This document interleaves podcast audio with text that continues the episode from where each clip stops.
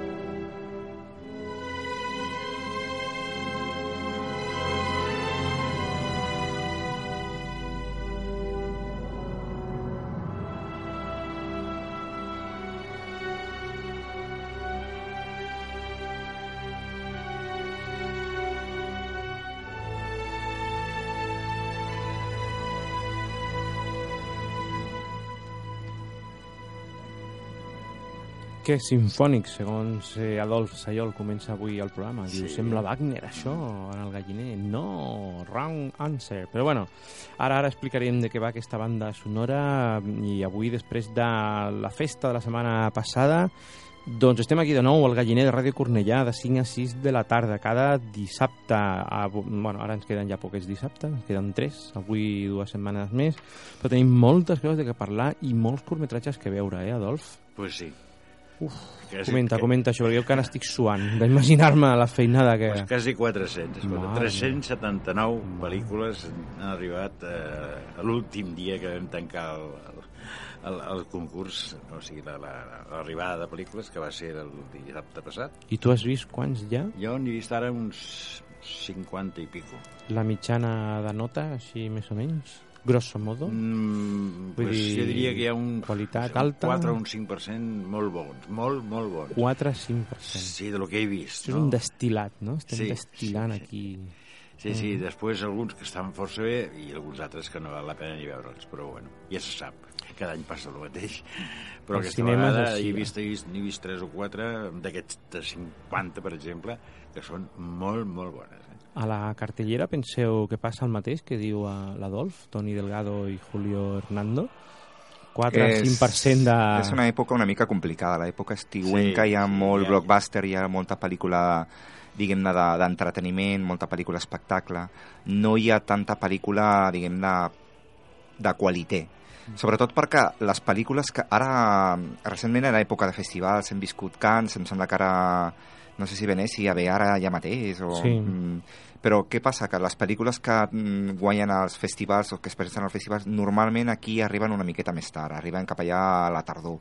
Sí, setembre. arriben. Sí, sí, arriben, és cert, sí arriben. Hi ha moltes pel·lícules d'aquestes que són molt minoritàries que potser no, no arriben, no? I sí que és cert, però normalment les pel·lícules que tenen molt bona premsa, que, sobretot les guanyadores, més o menys tenen el circuit de distribució més o menys assegurat. I sí que és cert que de vegades triguen una miqueta més en arribar, no? És una època que, bueno, una miqueta, una miqueta rara, no? Però aquesta bueno, setmana- l'estrena de la setmana, no? El Jurassic World, Bueno, això sí que és pura estrena estiuenca, no? Vull Sí. dir, espectacle... O no, ja, bueno, ja, ja en parlarem de Jurassic World, perquè jo reconec que és una d'altra d'aquelles nissagues, igual que Mad Max em passava Mm. fins fa poc, que no havia vist res, doncs Jurassic World tampoc, nois, ho sento. Ja Ah, no. no? podeu mirar com De fet, vulgueu, de però fet no, no, no he vist. no ha tingut mala premsa Jurassic World. Uh, Aquesta- Diuen que és la millor seqüela de la saga, o sigui que és millor que les dues seqüeles que va tenir. La primera pel·lícula la va dirigir el propi Steven Spielberg, la segona també, la tercera no, no recordo ara qui va ser el director. I ara la quarta, ara no me'n recordo tampoc del nom, el vaig llegir no fa, no fa gaire, de, el Director? director, sí, de El director es diu eh, Colin... Colin Ter... Sí, això Trevor mateix. Rowe. Sí, que és un, di- Trevor Rowe. eh, que és un Trevor, Rowe. Trevor Rowe. és un director que prové de... que havia fet una pel·lícula de ciència-ficció així una mica minoritària i que bueno, ara sorprèn ficant-se en, un, en un blockbuster com és, com és aquest. A més, una saga que ja està, diguem-ne que les premisses ja estan construïdes, ja està feta, no? Que ell, bueno, s'haurà de veure la pel·lícula, s'haurà de veure si ell és capaç de portar alguna nota d'originalitat, alguna nota, diguem-ne, personal, Uh, mm, és bastant complicat en aquesta mena de nissagues quan ja són més pel·lícules de productor que no pel·lícules de director. És, el, per exemple, sí. el que passava, per dir alguna cosa, amb Harry Potter, que han passat diversos directors, però sobretot és una pel·lícula de productor. I Jurassic World, jo m'imagino que serà una pel·lícula, sobretot, encara que sigui un altre director, una pel·lícula de Steven Spielberg, Spielberg sí. perquè continua sent el, el productor, productor sí. és el que va tenir la idea de portar la novel·la de Michael Crichton al sí. cinema, mm -hmm. el que li ha donat aquesta pàtina molt, molt seva, molt personal, que agradarà més o menys, però jo suposo que, bueno, s'haurà de veure. De totes maneres, pel que he llegit, no és una pel·lícula que, que tingui mala premsa. Hi ha un parell de coses que, que sí que les han criticat, els diàlegs una miqueta tontos, ha alguna, algun, diguem-ne, alguna idea una miqueta potser massa, no sé com dir-ho. Manida, manida, no? O, o sigui, manida, no. o, bueno, diuen que és una pel·lícula molt entretinguda, però bueno, pel que es pot veure al, al tràiler, el Christopher Pratt fa un personatge que és un domador de dinosaures, no? I això diuen que és una miqueta com massa forçat. Bueno, si més no, s'ha d'entendre que és una pel·lícula de gènere fantàstic i dintre del gènere fantàstic, doncs, hi ha cabida una miqueta de, de tot, no? Sí, sí. I després tot, tot la, tota la, la, la, la ciència, mhm. ficció, mm -hmm. no?, de, de, del 3D i de, i de, de, de, de, de l'ordinador, no? Vull dir, que aquests dinosaures estan ben fotuts. Clar, que... l'evolució respecte són, són, de fet, els veritables altres. protagonistes sí, de les clar, pel·lícules. Clar, clar, clar. Així com la, a les primeres, els personatges del Sam Neill o el James, uh, James Jeff Goldblum. Goldblum bueno, sí. sí, més o menys pots empatitzar amb ells, però qui agrada de, la, de Jurassic Park, el Tiranosaurus i els Velociraptors. Sí. O sigui, la resta és com dius, d'acord, estan allà, però la, la gràcia, els protagonistes són els Velociraptors. Sí.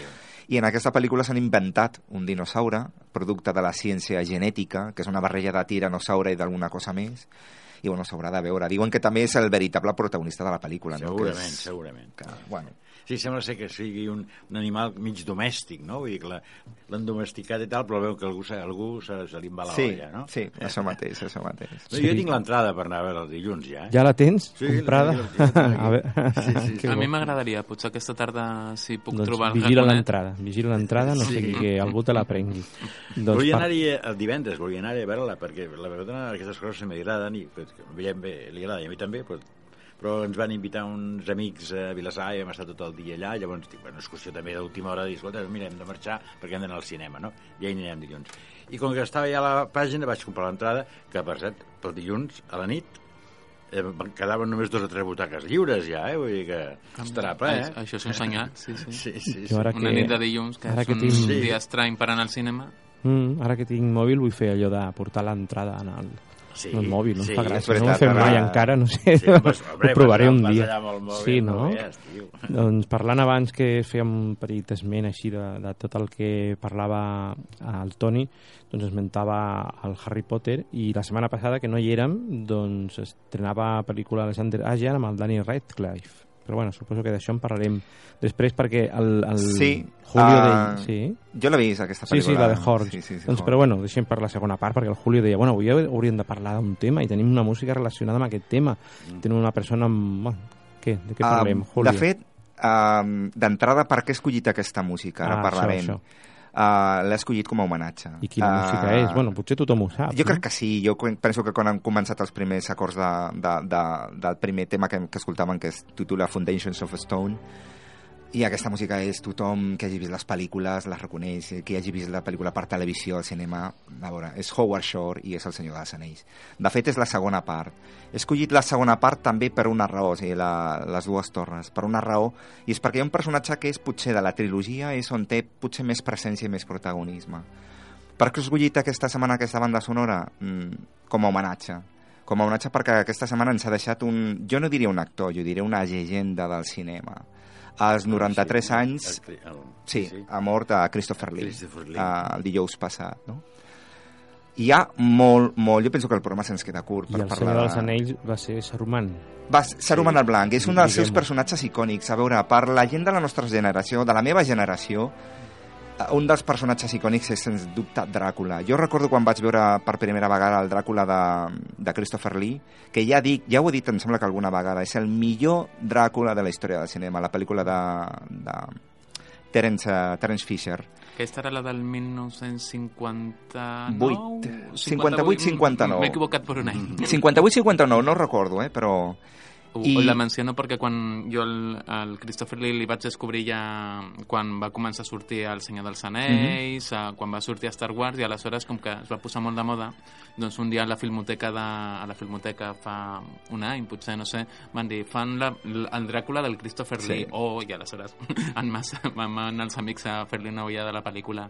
Jo, de fet, va ser la pel·lícula en què vaig descobrir a Christopher Lee. Jo recordo que aquesta pel·lícula la vaig veure per primera vegada quan la feien a la 2, a la segona cadena, mm. que no era la 2 encara, era la segona cadena de televisió espanyola, en un programa que segurament els més grans recordareu, uh, que era Mis terrores favoritos, que presentava sí, Narciso, Narciso, Narciso Ibáñez Serrador. Uh -huh. Llavors era una pel·lícula que jo vaig veure una miqueta d'amagatell, perquè jo era molt petit, era un nano, i els meus pares no em deixaven veure aquest programa no, perquè era no, molt tard. El Christopher Lee és més de la meva veu que, que de la teva. Sí, sí, però jo, bueno, jo el vaig descobrir amb aquesta pel·lícula, i és una pel·lícula que m'han fet, o sigui, sent petit, una por increïble i em va quedar gravat. O sigui, em va fascinar també tant que durant molt... Jo recordo que durant molt de... A mi que m'agrada dibuixar, durant molt de temps, jo no sé si anava segon o tercer de GB en aquella època, tenia 7-8 anyets quan vaig veure la pel·lícula, no deixava de dibuixar el Dràcula i el Dràcula, i el Dràcula. sempre feies dibuixos del Dràcula perquè vaig quedar fascinat I els professors pel preocupats. personatge. No, els bueno, en aquella època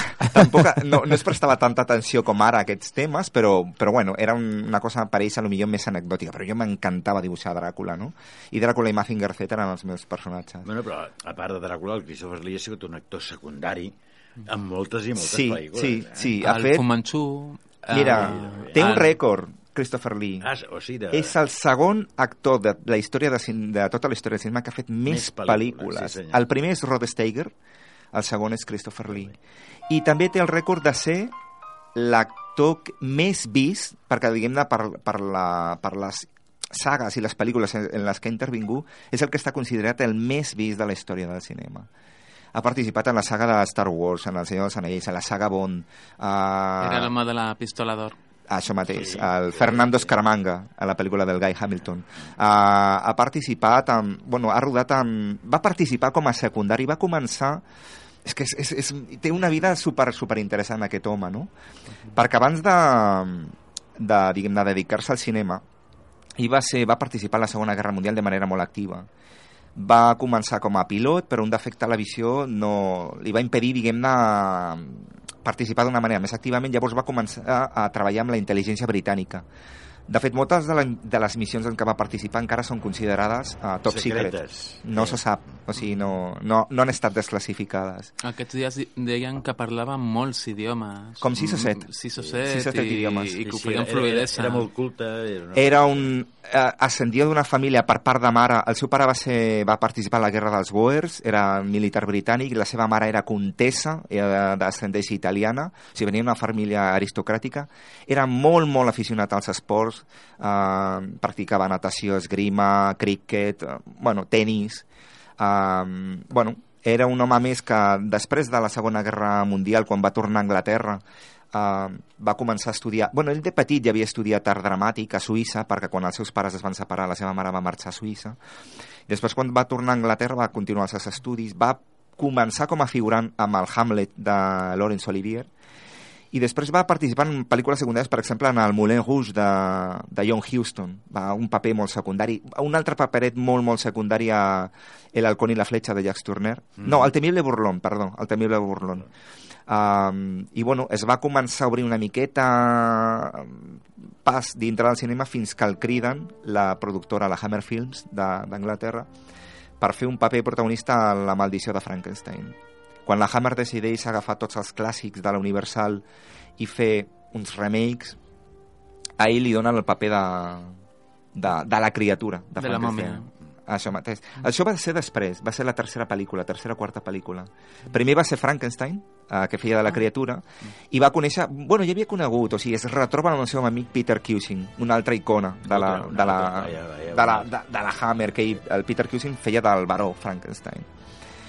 I a la segona pel·lícula, ja com va tenir molt d'èxit, ja es posen a fer el, el Dràcula. Uh, Diguem-ne que amb aquesta pel·lícula més participa la florinata de la Hammer Films, perquè està el Terence Fisher com a director, està Jimmy Shanster com a guionista, està James Werner com a compositor, i a més a més els dos icones imprescindibles que són uh, Peter Cushing i Christopher Lee. Christopher Lee fent de Dràcula i Peter Cushing de, de Van Baron Van Helsing. Helsing. Van Helsing. Van Van Helsing. La pel·lícula va ser un èxit increïble, llavors li demanen fer més, més, més, Dràcules. continuacions. Més Dràcules. La segona no la va fer i va repetir tot l'equip excepte Christopher Lee per un tema contractual. Uh, Christopher Lee no havia rebut la, o sigui, les, diguem, la, la seva nòmina, la seva minuta econòmica a temps, es va una miqueta barallar amb la productora i es van negar a fer la segona pel·lícula. Quan es van resoldre, diguem aquests uh, afers, a la tercera pel·lícula, uh, que va ser Dràcula regressa de la tumba, li crea un altre cop, ell accepta fer el paper, però li van agradar tan poc els diàlegs que, eren, que eren ridículs que es va negar a pronunciar una sola paraula. De fet, la crítica va aplaudir la decisió perquè el Christopher Lee feia com una interpretació molt més animal, molt més visceral, sense dir Sense dir res. res, només grunyint i fent una miqueta com... I en realitat, quan que era una cosa que la crítica va aplaudir molt, però en realitat era perquè el Christopher Lee deia és que els guions, els diàlegs són tan tontos que jo em nego a dir una sola paraula. Va estar a punt de no fer la pel·lícula, també per un tema contractual, i li van fer una mena de xantatge emocional, perquè li van dir, si tu no fas la pel·lícula, no es podrà fer, perdrem molts calés i tota la gent que està involucrada s'anirà a l'atur. Llavors el Christopher Lee va dir, Vale. D'acord, vale, és que m'ho esteu posant d'una manera i, i va acceptar fer, fer la pel·lícula. Va també fer La mòmia, també amb el mateix equip, amb Terence Fisher, i bueno, va continuar fent algunes pel·lícules de, amb, amb la Hammer Films fins que d'alguna manera es va, va mirar de donar el salt fins a l'altra mena de, de produccions. Llavors va ser quan, quan el criden, per exemple, per fer el, el que comentava el Julio, no? el Fernando Escaramanga a la pel·lícula de James Bond, de, ja amb la- amb l'etapa de Roger Moore, no? a, El hombre de la pistola d'oro, que també va ser un, un... És un dels villans més aplaudits i més recordats, no?, de, de tota la saga. És que aquest senyor, sobretot, feia molt bé de dolent, molt bé de Sí. dolent, perquè potser estava una mica Home, casellat però en era, fer de... era un dolent humanitzat, o sigui, veies que... I aristocràtic. Amb- Era un dolent senyor, no? amb caràcter. Per Home, la- un metro 96 Clar, d'alçada. sí, sí, sí. I tessitura de baríton. O sigui, La veu- després ho comentarem. O sigui, ell ha posat la veu a molts personatges uh, d'animació i de videojocs, uh, ha cantat òpera, I eh, heavy metal, i heavy dit. metal. Ah, per exemple, amb el grup Manobar. Ha fet, uh, ha fet, I ell té un grup, tenia un grup de de heavy metal conceptual sinfònic, una cosa bastant, bastant estranya, no? Però ha guanyat algun premi amb, amb, amb tot això, no?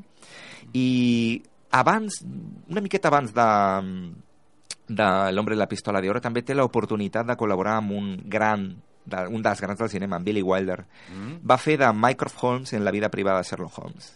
És, És- veritat, no el recordava, això. És l'únic Ah. actor que ha fet de Sherlock Holmes i de Mycroft Holmes. Ah, ara ho he- anava a dir, que a mi em sonava Sherlock, no Mycroft. No, va fer de Sherlock i també Mycroft. És l'únic que l'ha fet uh, dues vegades. I també va, en una de les produccions de la Hammer, el perro de los, uh, dels Baskerville, Baskerville. va fer de l'hereu dels Baskerville, o sigui, ni Holmes ni, ni un altre, i, però bueno. I és una llàstima que no l'hagin mai cridat per fer de Moriarty, perquè hagués estat Ah, un sí. Moriarty Eh, I tant. fabulós i estupendo. Bueno, a la seva carrera continua, va haver... mm, Hi han directors que el criden, per exemple, el crida Steven Spielberg per fer de, de militar nazi a la pel·lícula 1941. Mm. A més tard el crida Joe Dante per fer de Mad Doctor de científiques mm, boig a, a la segona part de Gremlins i va fent paperets. Va, va treballar molt, era molt amic amb el Jesús Franco, amb Jess Franco, i van fer les versions hispanes de, de Dràcula, i també va col·laborar amb Pere Portabella en un, una mena de pel·lícula conceptual, mig documental estranya, que es deia uh, Quaqueduc, una pel·lícula bastant, bastant estranya, no sé... O sigui que, eh? amb el Portabella, ara, o al millor em confon, jo diria que era el Pere Portabella o un altre d'aquests catalans. Crec que és el Pere Portabella. I la pel·lícula es diu no sé què, Quaqueduc, o no, no, no sé si només Quaqueduc, una pel·lícula mig conceptual, mig documental, ara el Francesc s'ho buscarà i ens ho confirmarà. Ja. Uh, bueno, després sembla que... I també en aquella època, als principis dels 70, ell fa, col·labora en una de les pel·lícules que ell més valora de la seva carrera i la que ell és la seva interpretació de la que se sent més orgullós. És The Wicker Man. La, era una pel·lícula dirigida per Robin Hardy, basada que adaptava una novel·la de títol Ritual, que ell feia d'un aristòcrat que feia una mena de rituals druídics. És una pel·lícula que està considerada... És una pel·lícula de sèrie B, però considerada una de les pel·lícules de culte del cinema fantàstic del, dels 70. I, de fet, el Christopher Lee accepta col·laborar, va acceptar fins i tot reduir moltíssim la seva minuta perquè ja tenia un, un caché. Yeah. Em sembla que al final va cobrar una cosa com molt simbòlica només, perquè ell estava entusiasmat amb el guió que va escriure per aquesta pel·lícula l'Anthony Schaffer. Anthony Schaffer, per posar-ho en tot en context, és l'escriptor de l'obra teatral La Huella, Ah, que al cinema va adaptar Josep Leo Mankiewicz i també és guionista, per exemple, del Frenesí d'Alfred Hitchcock. Sí, o sigui sí. que no és un qualsevol, és Ja, ja, ja, un, un senyor de pes. I el Christopher Lee estava tan entusiasmat amb el guió que va dir, és igual, jo vull col·laborar, jo vull fer-ho. I ell se sentia, ell sempre ha dit que era la seva millor, millor interpretació. L'edat? La de The Wicker Man. Ah, mm. I que hi ha un remake, jo no l'he vist el remake amb el, que va fer el Nicolas Cage. També va fer, bueno, com personatges icònics, va fer de Rasputin, uh, va fer també de, com deia el, el Julio, de, de Fu Manchu en quatre pel·lícules. És que a mi m'agradaria destacar, mm, suposo que a tots aquests directors que el van conèixer de la seva etapa de la Hammer i que el tenien tan ficat com a dolent d'aquests que, ostres, és molt dolent però em cau molt bé, no? Perquè, per exemple, els seus dolents dels 90, el, el Star Wars doncs, era un... O sigui, un bon dolent és un gran paper no? per qualsevol Sí. actor i sempre li dona molta salsa a qualsevol pel·lícula. I aleshores el Conde Dooku, que per cert ve de Conde Dràcula, doncs era un antagonista amb força, el Saruman, que és un dolent que, de les novel·les del Senyor dels Anells, que també és per, um, només està per sota del dolent principal, que és només un ull informàtic, no? perquè és el, el Saruman seria potser el dolent, dolent important traient els orcs que no tenen entitat en si mateixos. I, per exemple, ara estàs recordant també que en aquest aspecte d'actor mític que has de ficar a la teva pel·lícula sí o sí, el Tim Burton l'ha fet servir potser en, paperets molt petitonets, i ara me'n recordo el, a la fàbrica Quatre o del, cinc vegades ha treballat amb el, el, amb el. Willy Wonka era el pare del... Del Willy Wonka. Sí. Del... Del el- Johnny Depp. Del El Johnny. Depp, perdona, que m'havia entrebancat. I, per exemple, hi havia altra pel·lícula que el Johnny Depp també feia una... una no recordo el títol, era una pel·lícula que estava basada en una sèrie de vampirs. Sombres tenebroses. Sombres tenebroses que només tenia una escena, que Mhm. feia com d'un mariner en Sí. un bar i, i sortia 5 minuts. Ja. No, jo, però... jo em sembla recordar-lo, veure'l de, de Cardenal Richelieu. Lo que no Sí. sé, lo que no sé amb quins. Rochefort, Rochefort, no Richelieu, Rochefort. Ros- el conde de Rochefort. Vale, vale, Va vale. ser a les versions de Los Tres Mosqueteros que va fer el Richard Lester. Ah, que sí, tenia, el Richelieu el sí. feia el, um, el Charlton Heston. Sí, senyor. El Charlton Heston era el Ah, Richelieu. I, la, sí. per exemple, la Milady de Winter era Faye Dunaway. I ara recordo que el D'Artagnan era aquest actor anglès, Sí, ara no em surt el nom. El, sí, el Ross, el... Sí, com es deia aquell Ai, no em surt, no em surt. I sé que a l'Aramis, qui era Aramis? Perquè em sembla que l'Aramis no sé si era el Jeremy Irons, I també hi havia el Depardieu. el Gerard Depardieu feia de Athos, Portos, De Portos. i l'Atos era el, aquest actor britànic que no em surt el nom, que em surt, per exemple, que va mm, fer Mujeres enamorades amb el Ken Russell, Oliver Reed. Oliver Reed, tinc- això ho tinc aquí, mateix. eh? Oliver Reed aquí, sortia, que era sí. Atos, eh, Portos el Depardieu, i si no recordo malament, el- l'Aramis era potser el Jeremy Irons. Ara, Richard sí. Chamberlain. Richard Ah, Chamberlain, és Richard veritat. Chamberlain, Richard sí. Chamberlain. Richard Però- Chamberlain. Faye Dunaway, l'heu esmentat ja? Sí, sí, oi? sí. De Però el. Jeremy Irons també ha fet de... de, de D'Aramis, és que a mi també em sona. En alguna pel·lícula dels mosqueters mi em sona.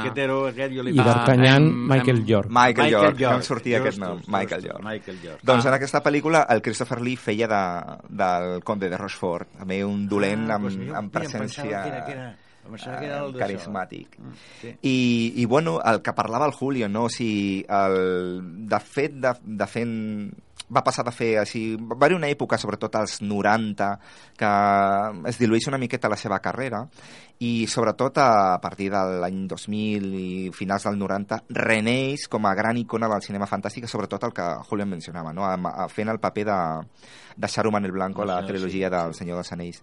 Sí, De fet, jo, jo, per exemple, el vaig recuperar quan vaig dir, ostres, aquest Sí. pàjaro, però sí que és aquell, no? Vull dir que hi ha, feia hi ha una anècdota, no feia hi ha una anècdota molt curiosa. El Christopher Lee llegia de tant en tant, rellegia el Senyor dels Anells perquè és un gran fan de la literatura de Tolkien i el va conèixer personalment. Ah. És l'únic membre de la pel·lícula de tot el cas de la pel·lícula que va conèixer personalment el, el Tolkien, Tolkien. i el Tolkien li va demanar una, un autògraf al Christopher Lee. I el Christopher Lee també ha fet gravacions de l'obra de Tolkien, no? o sigui, Ja. yeah. audiolibres. Audiolibres. Sí, n'ha fet, n'ha fet uns, uns quants.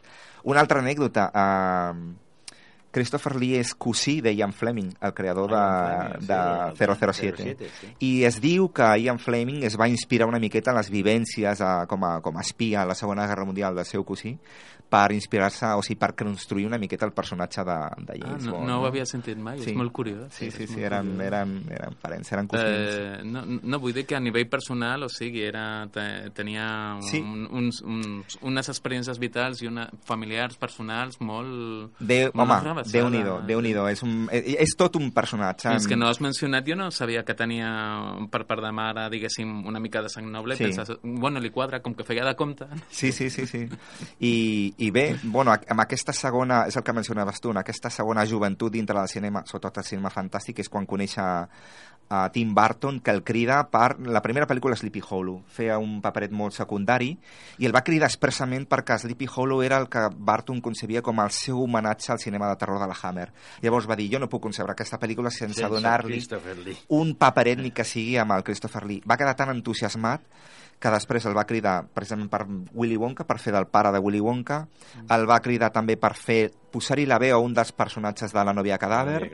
va fer un paperet molt secundari. Ja, Christopher Lee de fet el fa assegut perquè ja era quan tenia problemes per caminar a Dark Shadows, com mencionaves i també li posa la veu a un dels personatges d'Alicia en el País de les Meravilles de Tim Burton, el Jabberwocky, que és el drac que apareix al final ell li posa la, veu. la veu del, del personatge com ja hem dit, ell tenia una veu, tenia tessitura de baríton, tenia una veu impressionant i, i va posar-hi la veu a, per exemple, a un dels personatges d'una pel·lícula d'animació preciosa que es diu L'últim unicorni o L'últim unicorni Eh, aquesta pel·lícula m'agrada. És una pel·lícula, és una meravella. Suposo que era el rei, de, El rei. el rei que estava al castell, Això que estava obsessionat amb els unicorns. Sí. És una pel·lícula que adapta un clàssic de, de la literatura fantàstica i que, a més, l'animació de l'Arthur Rackman és, és una meravella. I també li va posar la veu a un personatge importantíssim, a la mort a les dues adaptacions que es van fer per televisió de la saga de Mundo Disco de Terry Pratchett. Aquesta la tinc pendent. I és quan tu veus el personatge a la mort, que és un personatge, bueno, és un altre actor amb una màscara, però sents la veu ja que és una veu impressionant, dius, és que... No, el reconeixes de seguida que Christopher Lee això només ho podia fer podia fer Christopher Lee. El de... Ai, no, ara pensava, la veu de la, de la pel·lícula de la, de la Guerra de los Mundos, no, era el, el Vincent Price. Sí, El del disco, mateix. que- de- que mateix. Parla al final. Sí, sí, sí, sí, sí, sí. Però bueno, I, és... I el de, i el de, i el de les, les risses de, de, de, de, la, de la, del Michael Jackson, de la...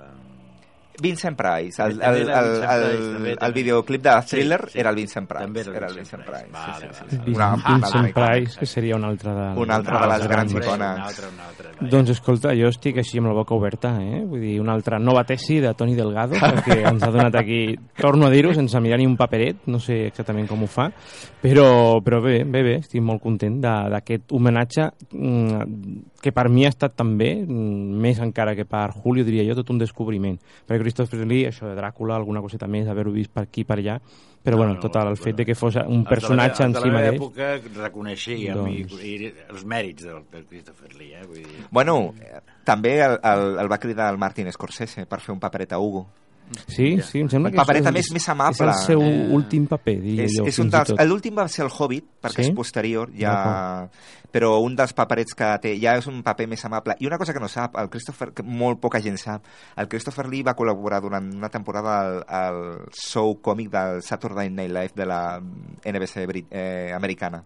I es veu que va ser programes que van batre rècords d'audiències perquè veien un Christopher Lee acostumat al Dràcula i que veien un Christopher Lee Sí. simpàtic, Sí. divertit, amable, una, una, altra, una altra cara de- de- d'aquest actor, no? Mític. Una, una llegenda Eh, és que del llegenda és perquè des que va passar eh, abans d'ahir les xarxes socials van plenes i només un exemple, jo avui he anat un moment a la biblioteca que volia buscar una pel·lícula i hi havia a l'entrada una tauleta que havien agafat totes les pel·lícules que tenia a la biblioteca on sortia ell i li havien fet un petit cartell de- d'homenatge a una biblioteca de barri.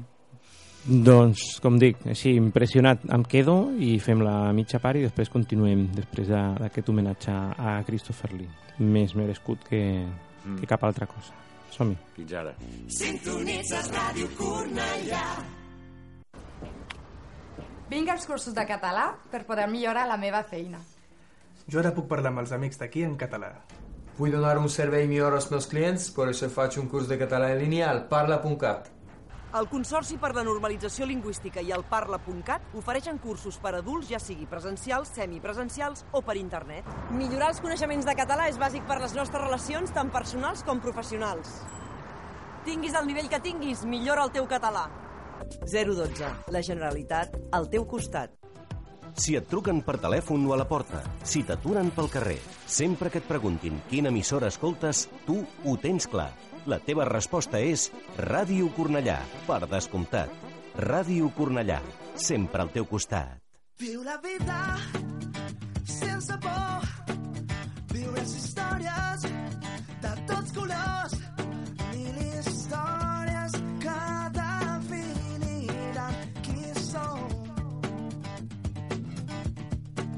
La vida gira. Quan decidim dreta o esquerra.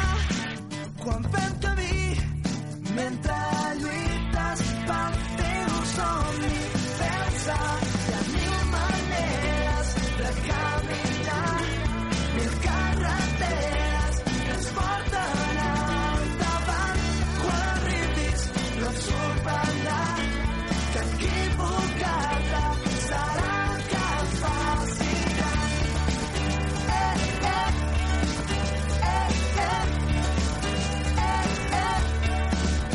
Kevin Ross, Mil maneres. Tot català. Cada dia a les 12 de la nit a Ràdio Cornellà. 60 minuts de la millor música en català. 104.6 FM Sintonitzes Ràdio Cornellà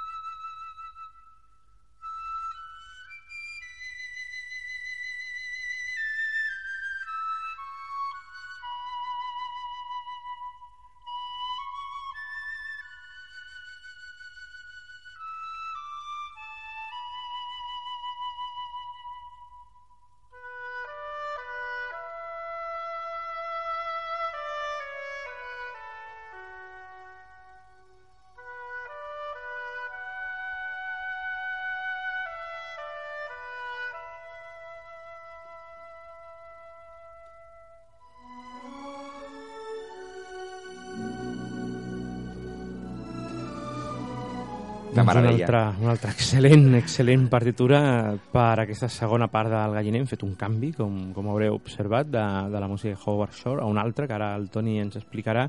I diguem, jo crec que val la pena, Toni, que després d'aquesta tesi, d'aquesta lliçó que ens has donat sobre la vida de Toni Delgado, ens expliquis... No, que, que Toni Delgado, Christopher Lee, eh? De Christopher Lee. jo, jo ja no La sé meva què- vida no és tan jo, Jo ja no sé què dic, ja no sé què dic. M'he quedat tan impressionat que...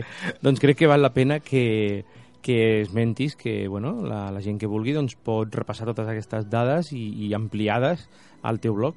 Explica'ns una miqueta. Ah, bueno, jo és un blog que porto des de fa molt de temps, que par parlo Sí. una miqueta de tot. Sobretot parlo molt de cinema, uh, de tant en tant sí que sí alguna estrena teatral que, que vaig a veure també parlo, o millor alguna exposició, parlo també bastant de còmic de tant en tant, De o algun política, llibre. fins i tot. Fins i tot alguna entrada que m'ha donat d'allò, perquè sentia la necessitat de, de, de parlar de política. He penjat alguna vegada algun dels dibuixos que faig, fins i tot alguna, algun trosset d'algun conte que he escrit, així per donar jo quatre pinzellades d'alguna cosa que escric, però sobretot parlo molt, molt de cinema perquè ja, ja sabeu que és una, una cosa que m'apassiona. El blog es, eh, es diu For, eh, Lost in the Forbidden Planet, que evidentment és un joc de paraules entre Lost i Forbidden Planet, entre cinema i televisió i sobretot orientat al, al fantàstic. I, i bueno... Uh, I quant t'ha ocupat l'entrada sobre Christopher Lee? Uh, no he fet una entrada molt, molt, molt llarga. Penso que també hi ha molta documentació que es pot trobar, per exemple, a la Wikipedia sempre és per... I a l'IMBD, jo sempre recomano. Tant, són dos fonts de- d'informació que estan molt, molt bé.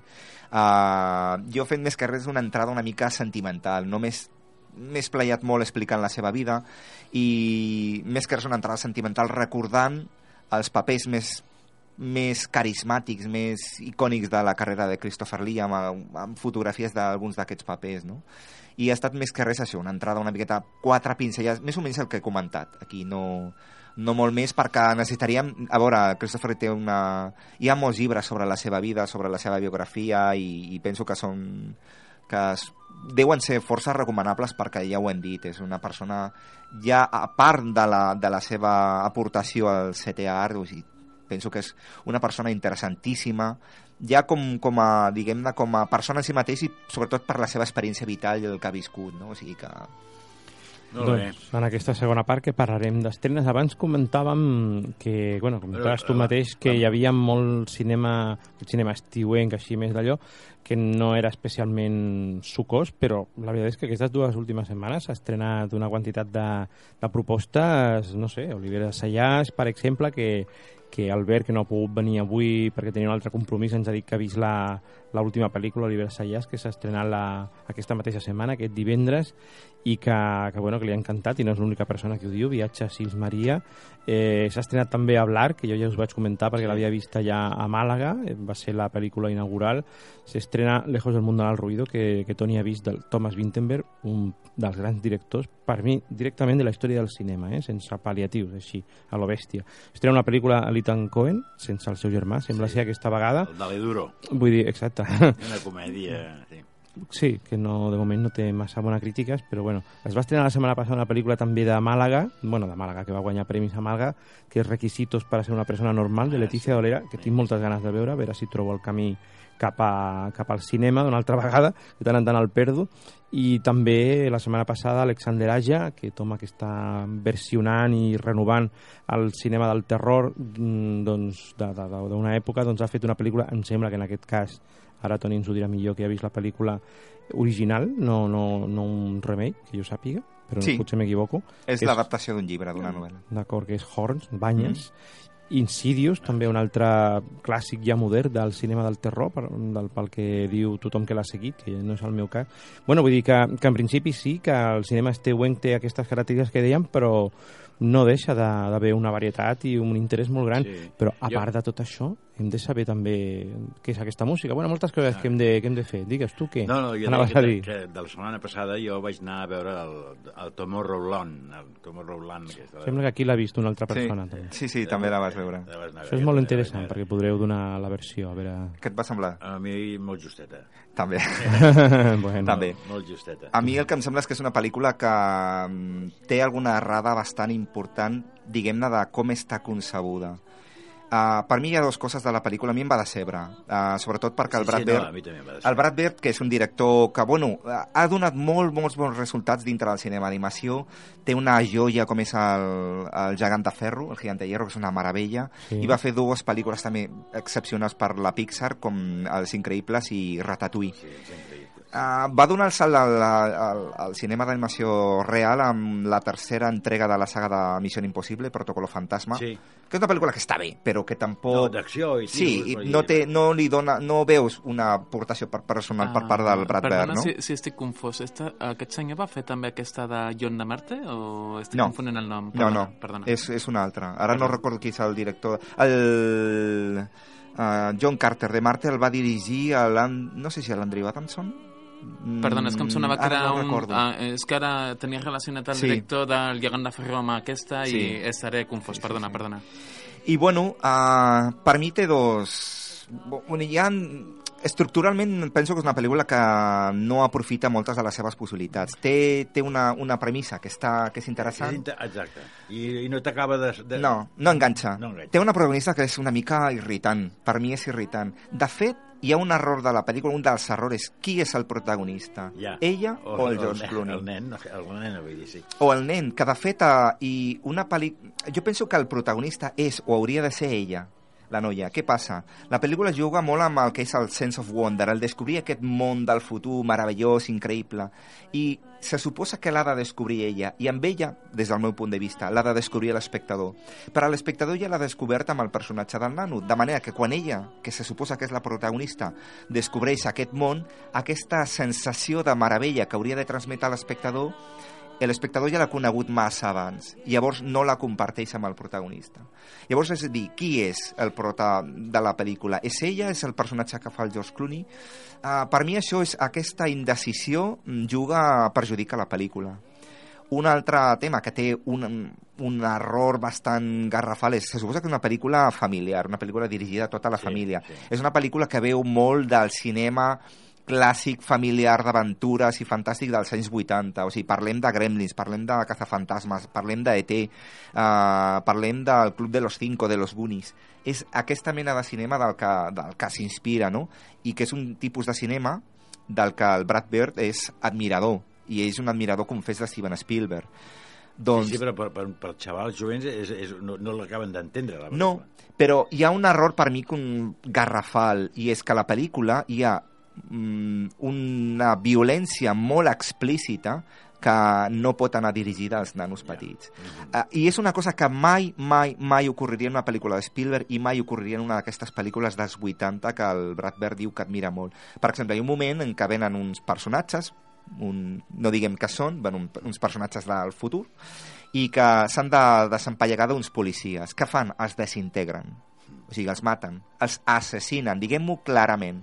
Això en una pel·lícula familiar és inconcebible. Clar, sí, sí. I, i, I això ho haguessin pogut fer si els deixen inconscient, Sí, o, Té- o els deixen volatilitzant per allà. per exemple, té el mateix efecte, sí. fins i tot potencia l'efecte humorístic que de vegades busca la pel·lícula i no té aquesta violència soterrada que dius, a qui va dirigida la pel·lícula? Soterra, soterrada, no? Explícita. Bueno, és explícita. Sí, Ah, pel és explícita, o sigui, és molt clara, no? Però és una violència que dius, és tan explícita i sembla que, o sigui, no té un efecte humorístic és ni molt menys. És això, que sempre estàs entre dos mons amb aquesta pel·lícula. Clar, no saps, sí. on, no saps per on agafar-la, no? Sí, és una pel·lícula que no saps ben bé de què va fins que... O sigui, Exacte. el, el McGuffin de la pel·lícula, perquè hi ha un McGuffin molt clar, Sí. te'l presenta quan queda un quart d'hora de la pel·lícula. O sigui, tot el... La... No vas no saps de què va. No, perquè dius, bueno, i quin és el McGuffin? Sí. Això, per exemple, o, Hitchcock era un mestre d'ella, et presentava el McGuffin, ja ho sabies tot als 10 minuts de la pel·lícula, i a partir de ja desenvolupes tota la trama, crear Sí. suspens, I després al final te'n recordes. i, a, clar, ah. i aquí, a canvi, no. Tota la pel·lícula és a dir, bueno, què passa, què és el que realment passa, i quan t'ho expliquen, al cap de 15 minuts la pel·lícula s'acaba. Per mi, està, és una pel·lícula que té molt bones idees i està molt, molt mal estructurada des, de, des del guió. I, bueno, i té d'altres serrades, no sé, a veure, el, el, la, la protagonista per mi està molt mal escollida. Penso que és un... Sobretot pel to que li dona a la, a la noia, no? que és, Sí, és bastant... anti- antipàtic. És molt antipàtica, vol ser carismàtica i acaba sent, és una Marisa Vidilla antipàtica Exacte, que diu, exacte. no la suporto. Sí, sí. és que jo personalment, perquè va de Sant Marisa Vidilla, Sí, no? sí, sí, que, sí. Això és una errada. No, no, miren de fer-la carismàtica, no ho aconsegueixen. Una altra errada, la banda sonora de Michael Giacchino, que fusila John Williams d'una manera molt evident, sense dissimulo, però és que a més a més és massa, massa música, és omnipresent a, a tota la pel·lícula quan tu em dius aquí necessito un silenci, no cal ficar-hi música, no cal que em subratllis res, no? Bueno, pel·lícula ja et dic que, que pintava molt bé, té una factura tècnica molt bona, això s'ha de dir, Sí, no, això sí. no, i, no, això no és, no és discutible, però pintava molt bé, té molt bones idees, té un missatge socioecològic que no l'acaba de formular del tot, que està allà, no, però jo- no li treu suc, no li treu Sí, jo- xitxa. Bueno, però és que, està, és que, vull dir, és una cosa tan manida, tothom ho està Sí, dient tant, sí. que al final dius, bueno, escolta, vale, Sí. ja, ja està bé, no? Sí, sí, sí. La, home, una de les gràcies que també em va fer va ser reconèixer la ciutat de les ciències de València. Sí, això sí, Dius, que surt, això surt ho he vist jo, sí, no? sí, sí, sí. Està bé. L'arquitectura del Calatrava. Sí. Bueno, uh, però ja et dic, en conjunt, Interessant comentari. per mi és una, una pel·lícula bastant decebedora. Doncs el que deies abans, Julio, eh, John de Marte, John Carter, és de l'Andrew Stanton. D'Andrew Stanton. Jo deia Adrian Adams a Andrew Stanton. Wall-E i Finding Nemo i tantes altres pel·lícules. Mhm. Bueno, què més? Què més d'estrenar? Bueno, això que dèiem, el de, d'Ale Duro, no? Del, D'Aletan Cohen. d'Aletan Cohen, que representa que és un home que sap que ha d'anar a la presó, és un senyor, és un, és un, eh, un agent d'inversions, eh, que ha d'anar a la presó per un, per, un, eh, per un error que ha comès, i llavors vol saber el que li passarà a la presó, no? I va amb un, amb un, amb un expresidiari que li expliqui tot el que... No que li expliqui, no, sinó que li faci tot el que li faran allà dintre. I aquí, i aquí està l'assumpte, no? I no explico més. Però l'ha- l'has vista? No, no l'he vista. Ah, no. Bé, bueno. He vist el tràiler... però- I, I com és que no treballa amb el germà aquesta vegada? Ah, doncs no ho sé, no, no ho sé, no ho sé, no ho sé. Cosa Buscant nous camins, nous reptes. Sí, Mm. allò de dir, escolta, vaig a fer això, fes-ho tu, que això a mi no m'interessa, i ja està. Per exemple. A mi m'agradaria Però molt aquesta... del Monte Alduino, eh, és la, la versió moderna, que també és una estrena d'aquesta setmana. Quina? Sí, Lejos, Lejos del Mundan al del al Ah, sí, sí, sí, De sí. fet, aprofito ja per dir que la banda sonora que estem sentint és Això. Lejos del Mundan al Ruido, però no és La la, versió primera, aquesta, la és la primera. la de, de la versió del John Schlesinger de finals dels 67, 68 em sembla que és, i que la banda sonora és una meravella, va ser composada per mm, el Richard Rodney Bennett. Potser, per mi, crec que el Richard Bennett té unes quantes mm, aportacions al cinema molt... Lady Caroline Lamb, per exemple, o, o uh, Assassinato en l'Orient Express, que són molt maques, però per mi potser aquesta és la més maca. És una música captivadora. És una música que veu molt del, de la tradició anglesa i sobretot dels clàssics anglesos com Elgar o, o sobretot uh, Ralph Vaughan Williams, que jo penso que és una de les grans influències de, de Richard Rodney Bennett. La partitura és, és meravellosa, una meravella, ja l'estem sentint, no? La pel·lícula, la que s'ha estrenat ara, és una, una nova versió de la novel·la de Thomas Hardy, eh, eh, dirigida per el Thomas eh, Winterberg. I, bueno, eh, és difícil comparar-la amb, la, amb la versió del, del 67. Del... L'has vist l'altra també, no? He vist les dues. Jo Mhm. personalment m'agrada més la del John Schlesinger. És curiós com tant Winterberg com Schlesinger són dos directors que normalment se'ls considera una mica combatius.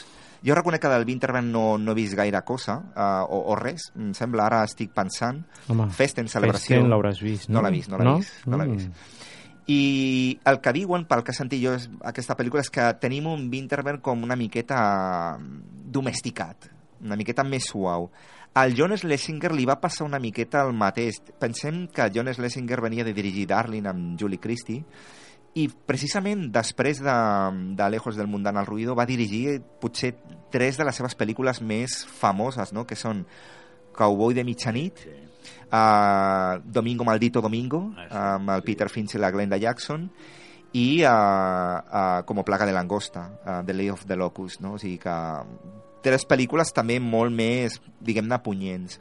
Se li va retreure una miqueta a, l'adaptació que el... Jo no he llegit la novel·la del Thomas Hardy, Uh, sí que és una novel·la que sobretot posa l'èmfasis en un cert feminisme. La, la, la història parla d'una dona que rep una, una herència, una granja bastant gran, i que en contra, diguem, de la tradició de l'època decideix portar-la ella sola, quan en realitat eren els homes el que portaven els negocis, i ella, riu, diguem-ne, que rebutja uh, una sèrie de pretendents, o i té tres presen- pretendents, no? La novel·la del Thomas Hardy, el que volia posar-hi sobretot l'èmfasis és en, aquest, en els aspectes uh, socioculturals de l'època. No? Volia fer una crítica, volia aportar un cert grau de feminisme i defensar el paper de la dona com a emprenedora, no? en contra, diguem-ne, de la tradició una miqueta patriarcal i masclista de, de l'època. I potser el, aquest factor, diguem-ne, de crítica social de l'època, a la- a- a l'adaptació que va fer el John Schlesinger es dilueix una miqueta encara es dilueix més des del meu punt de vista aquesta adaptació del, del Thomas Winterberg que posa sobretot l'èmfasis en l'aspecte romàntic, no? En el fet de que el protagonista, la Bathsheba Everdeen, és una dona que s'enfronta a tres, diguem-ne, a tres conceptes de la masculinitat i té tres pretendents cadascú represent, dir que representa un arquetip diferent hi ha un home que és, podríem dir que és el més noble, el més planer uh, que és en, el que, en aquesta pel·lícula interpreta el Matthias Schoener's uh, Granadero. sí, el gramader, el granader que és el que l'estima d'una manera sincera de veritat però que tampoc vol pressionar-la hi ha un altre que és el gran terratinent que és un home, diguem-ne, més gran que ella. A la pel·lícula, a la versió del Schlesinger el feia el Peter Finch, o sigui que hi havia una diferència més gran de- d'edat, aquí no tant perquè el fa el Michael Sheen, i que és un home, diguem-ne, seriós, és un home pragmàtic, és un home que sembla fred, però que es deixa, s'enamora de, del personatge de Bathsheba i que el que l'ofereix és protecció a nivell econòmic i, diguem-ne, protecció social. I el militar... Que I després hi ha el militar, que és el que, diguem-ne, el que l'ofereix és la passió. La passió sobretot sexual, va. no romàntica, és una passió sexual. Ella s'enfronta, ha d'escollir una miqueta en la pel·lícula entre aquests tres pretenents i escull el menys convenient. És el militar, no?, d'entrada. I això li passa factura. Uh, argumentalment, les dues pel·lícules, la de Singer i la del Winter, són molt semblants, la història és la mateixa. Uh, les diferències, sobretot, està una miqueta, diguem-ne, en el to. Jo penso que és més tou Winterberg, curiosament. I en un repartiment, o sigui que la versió de l'Slesinger, el repartiment és un repartiment meravellós. D'entrada tenim a Julie Christie, jo crec que alguna vegada ho he dit, jo és una de les meves actrius favorites de tota la història del cinema. A mi m'entusiasma ella, em fascina, sempre m'ha fascinat. I ella fa una Batxiva Everdeen absolutament captivadora. El personatge del, del ramader el fa el Alan Bates, que curiosament amb la Julie Christie té una química fabulosa, una química perfecta, que després es va repetir una pel·lícula de Joseph Losey, també meravellosa, El missatger, The Go Between i que És també veritat. és una pel·lícula que té, un, té semblances, té semblances, perquè també és una dona que... Bueno, algun dia parlarem del, del missatger, però es repeteix aquesta química entre Julie Christie i Alan Bates. El personatge del terratinent el fa el Peter Finch i el personatge del, del militar el fa el Terence Stamp. Carai. Sí, en aquestes són, són actors molt menys... A veure, el, jo hi han dos actors que... El personatge de Batsiva el fa la Carey Mulligan, que a mi és una actriu que no em desagrada, però penso que li ve gra, gran una miqueta aquest paper. No dona, no té prou força, no té prou carisma, no té, sobretot no és ni molt menys tan captivadora com, com va ser Julie Christie. Julie Christie, a més, és que venia Ja, ja, d'interpretar la Lara del doctor Givago, o sigui que... És... A mi va passar això, per exemple, amb, eh, amb aquella condessa russa que, que va fer la, la, la Greta Garbo i després la... la, la Sí, eh, Fitxarissa Ninochka? Ni, no, Ninochka O- era?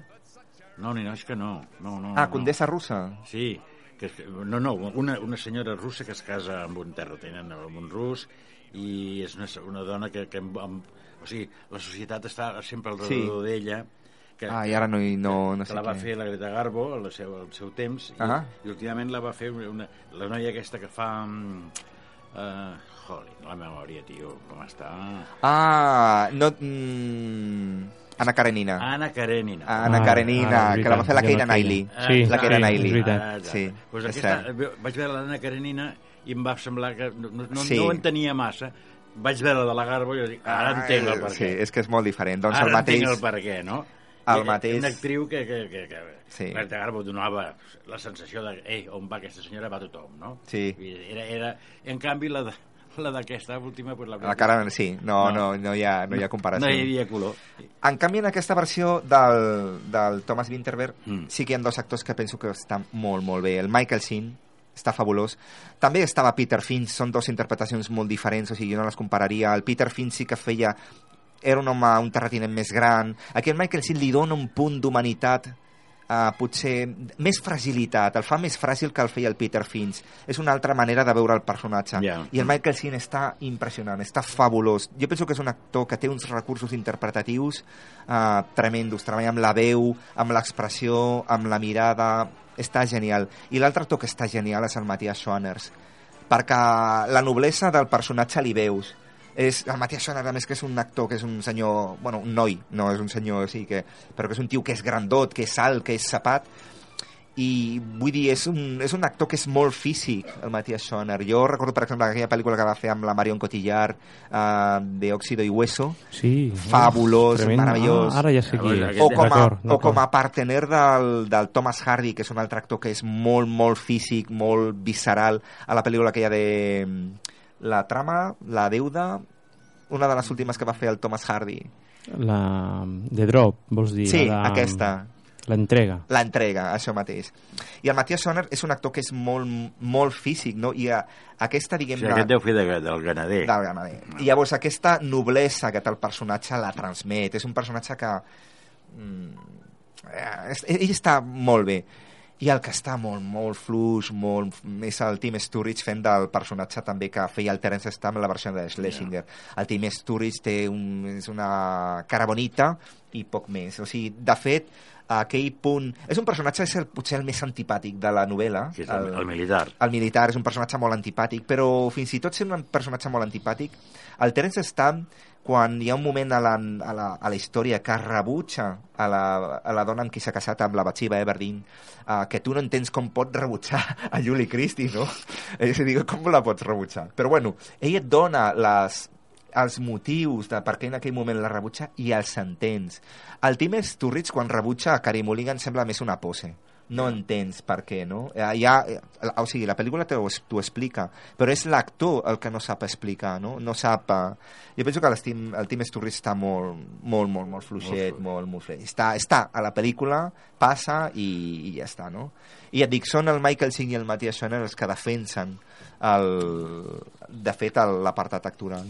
Doncs jo aquest director, el Thomas Vinterberg, és que ja us dic, la- l'admiro una barbaritat. I ara estic repassant la seva filmografia i me me n'adono que tampoc és que hagi vist tot el que, el que ha fet, perquè jo pensava que la seva primera pel·lícula era Festen, Celebración, i veig que no, hi ha una altra que es diu The Biggest Heroes, que no tenia ni idea que existia, després va fer una part televisió després de, de Festen, i després va fer una que tampoc tenia ni idea amb el Joaquin Phoenix i el Sean Penn, que es diu It's All About Love, del 2003. Mm. Bueno, les hauré d'anar recuperant perquè jo el vaig recuperar aquest home amb una pel·lícula ja del 2005 amb el Jamie Bell, el noi de, de, Billy Elliot. de, de Billy, Billy Elliot, Elliot, sí. que es diu Querida Wendy, no sé si l'heu vista, però és tota una La tinc- la curiositat. tinc pendent. És tota una La curiositat pendent, aquesta sé quina pel·lícula és. Molt, molt, molt vàlida, molt Sobre curiosa. una, de fet, un, un dels elements fonamentals de la trama és una pistola. Sí, que és Wendy, És que Wendy, ni sí, més sí, ni sí. menys. Després, un altre que, bueno, ja dic, aquest director es veu que li ha anat agafant a, a estones, perquè va fer un altre que es diu Cuando un hombre vuelve a casa, no la conec de res, però sí que vaig veure Submarine, un drama social però amb, amb una mà delicadíssima del director i una història dura però i contundent, però, però veritablement portada amb una, amb una sabidoria molt gran i després una pel·lícula que també recomano com un dels anàlisis més bons de la violència que precisament i que curiosament es va estrenar juntament amb Stoker, si recordeu, Sí. i per mi són completament paral·leles per una banda, és a dir, no es toquen però, però complementàries, curiosament, que es diu La caza, pel·lícula increïble. També... Amb el Mads Mikkelsen. Exactament, exactament, amb, amb aquest actor carismàtic també del cinema danès. I ara, doncs, aquesta, Lejos del mundo en el ruido. Haurem de hablar de hablar ja la Sí, setmana vinent. setmana Si la voleu veure, a mi m'interessaria molt saber la vostra opinió Però és- i és un aprofundir una únic, mica. no? Un És plano- un únic pla d'un 70 i no sé quants minuts. Sí. Molt ben fet. Aquí s'acaba el programa. Julio, Toni, Adolf. Bona tarda. Molt Fins la setmana vinent. Fins la setmana que ve. Jaume ja Adéu. estarà aquí, suposo.